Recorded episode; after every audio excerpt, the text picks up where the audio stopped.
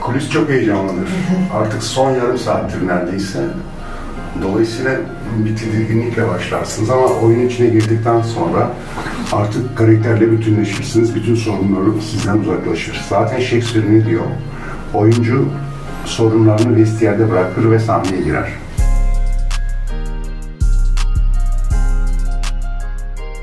Hazırsınız.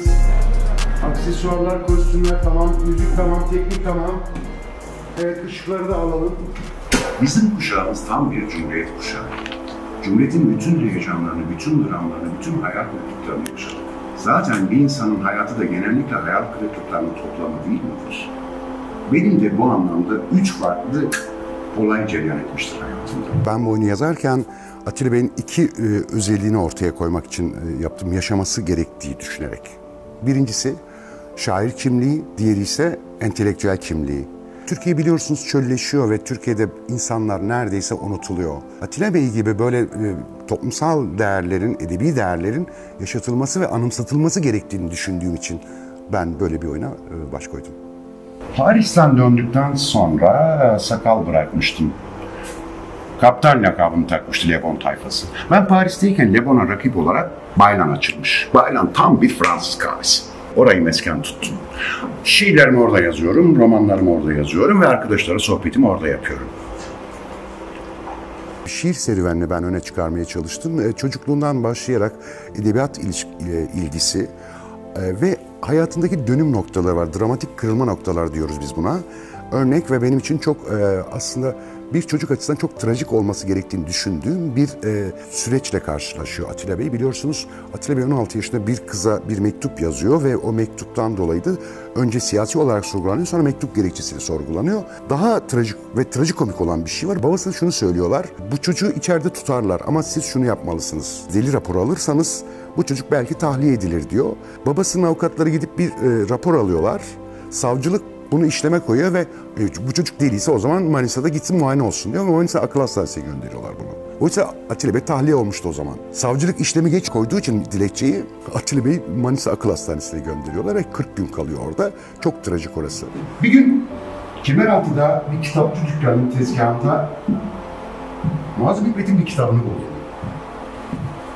Esasında Nazım yasak o zamanlar.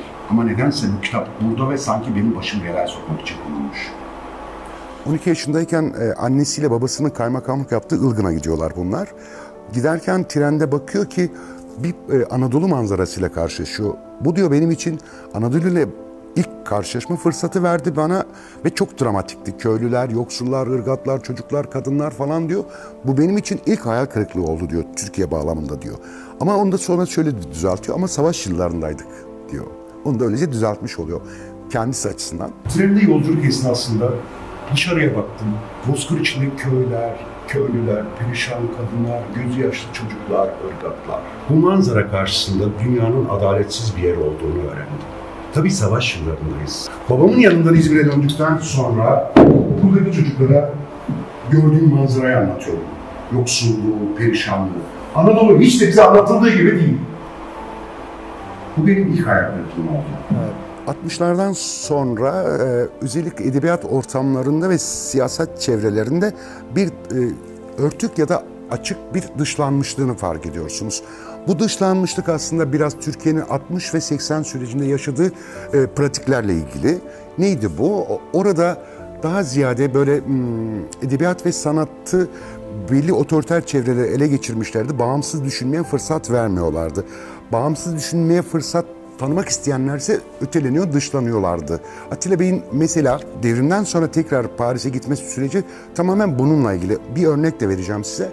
Atilla Bey diyor ki ben bu ızdırabı yaşarken diyor sevindiğim bir şey oldu. Aslında Paris'e gidecektim diyor. Yıl 63 tam olarak söyleyeyim size. O arada diyor ben Türkiye İşçi Partisi'nin kurucu heyetinden bir mektup aldım. Beni da partiye davet ediyorlar diyor. Kim var yanımda? Rıfat Ilgaz ve mizahçı Aziz Nesin de vardı. Hoşuma gitti diyor bu diyor. Ee, Biraz senaryo sinema işlerinden uzak kalmıştım. Bu davet hoşuma gitti diyor. Ve sonra e, Beyazıt'ta bir kahvede toplanıyorlar ve kahveyi polis basıyor. Atilla Bey ürküyor ve kork, biraz da korkuyor. Diyor bu yaşadıklarım diyor bu yalnızlaştırma, ötekileştirme ve benim yok sayılmam ve değersizleştirilmem diyor. Benim Paris'e gitmemi biraz daha hızlandırdı. Bütün bunların toplamında Atilla Bey'in hayatının çok dramatik dönüm noktaları olduğunu görürsünüz. Ama ben finalde nasıl bitiriyorum? Atilla Bey e, yalnız öldü. Yalnız yaşadı ve yalnız öldü. Zaten bir yerde kendisi ne diyor biliyor musunuz? Bu çok güzel ve çok ideolojik ve felsefi bir laf. Diyor benim yalnızlığım Mustafa Kemal'in yalnızlığına benzer. Mükemmel bir şey bu. Bir an bana döndü ve 146 Atilla. Ben biraz mahcup, biraz tedirgin. Ayağa kalktım. Müdür muavini dışarıda biri görmek istiyor. Çantanla haberine gel. Akıl hastanesine 17 yaşında düşüyor. Çocuk. Çocuk. Ve orada onun onu hayata bağlayacak, e, onu yani yaşam coşkusunu yeniden yeşertecek bir manzara yok. Sadece şöyle bir şey var. Bir e, şizofren bir eski kaymakam var. Biraz Nazım'dan bahsediyor bu kaymakam. Darülbedai'de diyor ben Nazım temsilini izlemiştim diyor o kaymakam. Bir de sonra diyor sen komünist misin diyor. Ben de evet diyor Atilla Bey. Gel yanıma bir şey söyleyeceğim sana diyor. Bu memleketi kurtarırsa ancak komünistler kurtarır. Ben bunu burada anladım diyor. Bu Atilla Bey için çok önemli bir e, yaşam kaynağı oluyor aslında o süreçte. Çünkü karşılaştığı profiller, insan profilleri olağanüstü, e, olağanüstü e, şey, akıl hastanesi sonuçta. Yani her yaştan insan var ve tuhaf yaklaşımlar, davranışlar vesaire vesaire. Dramatik bir görüntü, dramatik bir durum ama buraya dair hayatının dönüm noktası olabilecek olan şey bir olay yaşamış değil ama kurumsal olarak bir akıl hastanesi tutulmuş olması zaten yeterince trajik. Yemek saati! Oraya herkes koridora çıktı.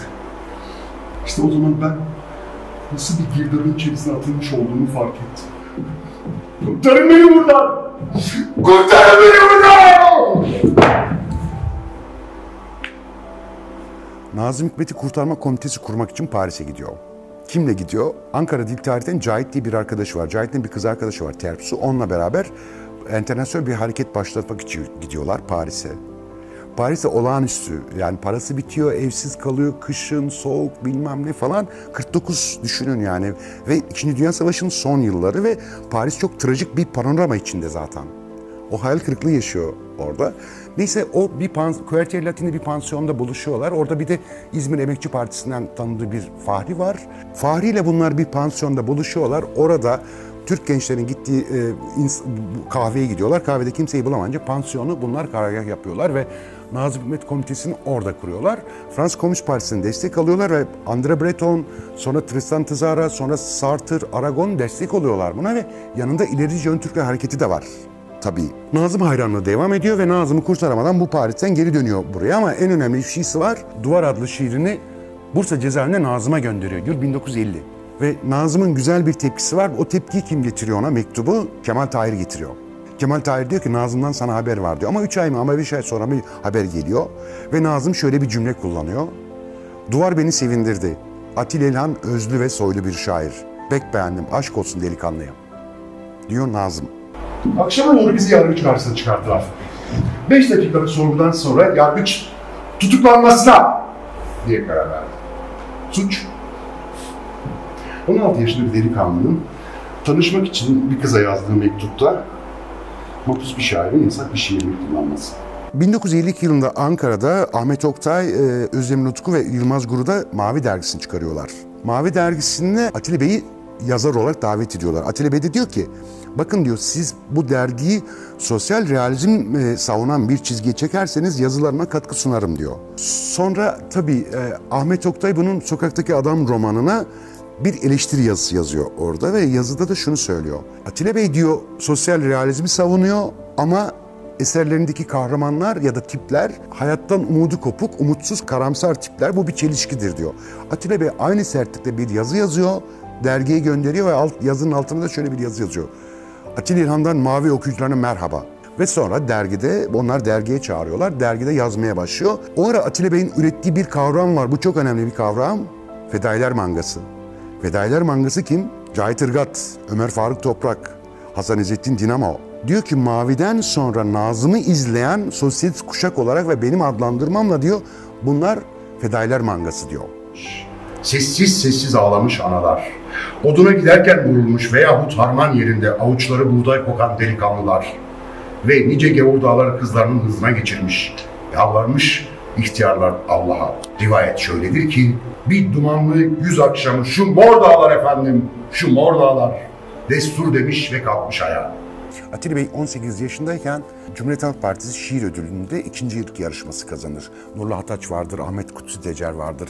Sonra tabii ki e, Ahmet Hamdi vardır ve Behçet Kemal Çağlar vardır jüride. Ve Atilla Bey'in yazdığı Ceberoğlu Muhammed şiiri Nazım'ın Kurtuluş Savaşı'na çok benzer. CHP'nin parasıyla da gittim kendime bir daktilo aldım. Bu arada ben hukuk fakültesi iyice boşladım ve artık gitmiyorum. Artık hayalimde yurt dışına gitmek var ama bu nasıl olacak bilmiyorum. Fakat kararlıyım. Kimseyi haberdar etmeden ben bu metni yazdım ve önce Biket Hanım'a gönderdim. Biket Hanım çok beğendi ve ben bunu belgesel yapacağım dedi. Yapmalıyım dedi. Sonra Atilla Vakfı'na gönderdim. Vakıf da bana sağ olsun çok iyi davrandılar ve 10 yıl izin verdiler. Atilla Bey'in gündelik hayatı çok düzgün, inatçı ve taviz vermeyen birisi. Biket Hanım diyor ki mesela muhakkak yemeği yedi buçukta yer diyor.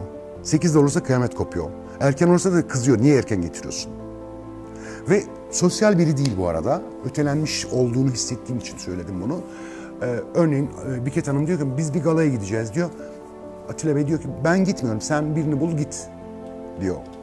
Daha çok daha çok okuyor ve düşünüyor. Okuyor ve düşünüyor. Olağanüstü bir birikim, olağanüstü bir derinlik. Atilla Bey'in bir çatışmalar var bunların. Çatışmalarında da evliliğin e, Biket Hanım'ın ısrarla çocuk istemesi ve onun da çocuk e, istememesi.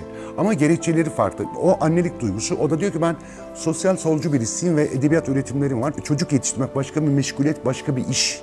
Lütfen bana bunu ulaştırma. Ben çocukları seviyorum. İstiyorsan bir yaşında bir çocuk alalım, büyütelim diyor.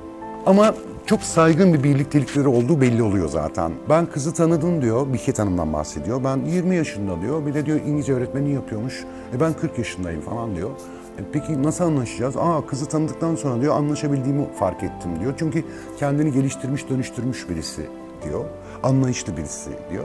Ve çok uzlaşmacı da Biket Hanım bu arada. Mesela şöyle bir şey söylüyor. Yani diyor işte para pul ne, nedir ne değildir falan filan dediğinde o da şey diyor. Atilla diyor yani tamam para önemli değil ama aç kalmak da istemem diyor. Falan. Böyle bir e, birliktelikleri var. Saygın, içten, samimi. Adam affedersiniz bu kim? Bu adam kim? Görevli bir an. Elleş bana. Öylesi bir vay vahanmış. Şizofren diyorlar. Üç defa intihar atlamış. Ama olmadı işte şans işte. Can alıcı noktası Atilla Bey'in hayatının kırılma noktaları ama yalnızlığı. Bunu ısrarla söyleyeyim. Çok üretken bir adam ama çok yalnız bir adam. Bir yerde diyor ki, neticede ben 16 yaşında toplum dışına itilmiş bir çocuk durumuna düştüm. Bütün arkadaşlarım benden uzaklaşıyordu ve ben hayatımda ilk defa yalnızlık duygusunu o zaman yaşadım diyor. Cemşit. Cemşit'i getirmişler. 16 yaşındayım. Ve komünistlik propagandasından dayakla sorgulanıyor. Sorulara kaçamak cevap verdim diye hala dayak atıyorlar. Sorguda bir ara mektuptan söz ettiler. Bu şiiri nereden öğrendiğimi sordular. Sustum. Atilla Bey e, Paris'teyken Aragon'un bir şiir matinesine katılır ve o şiir matinesinde e, matine sonrası e, yaşlı bir komedi Frances'ten bir kadın oyuncu şöyle bir soru sorar Atilla Bey'e. Der ki e, sizin bir e, devrimci lideriniz vardı. Adı Kemal miydi, Mustafa mıydı neydi? Bunun ideolojisini tam olarak bana anlatır mısınız der. Atilla Bey der ki şaşkınım der.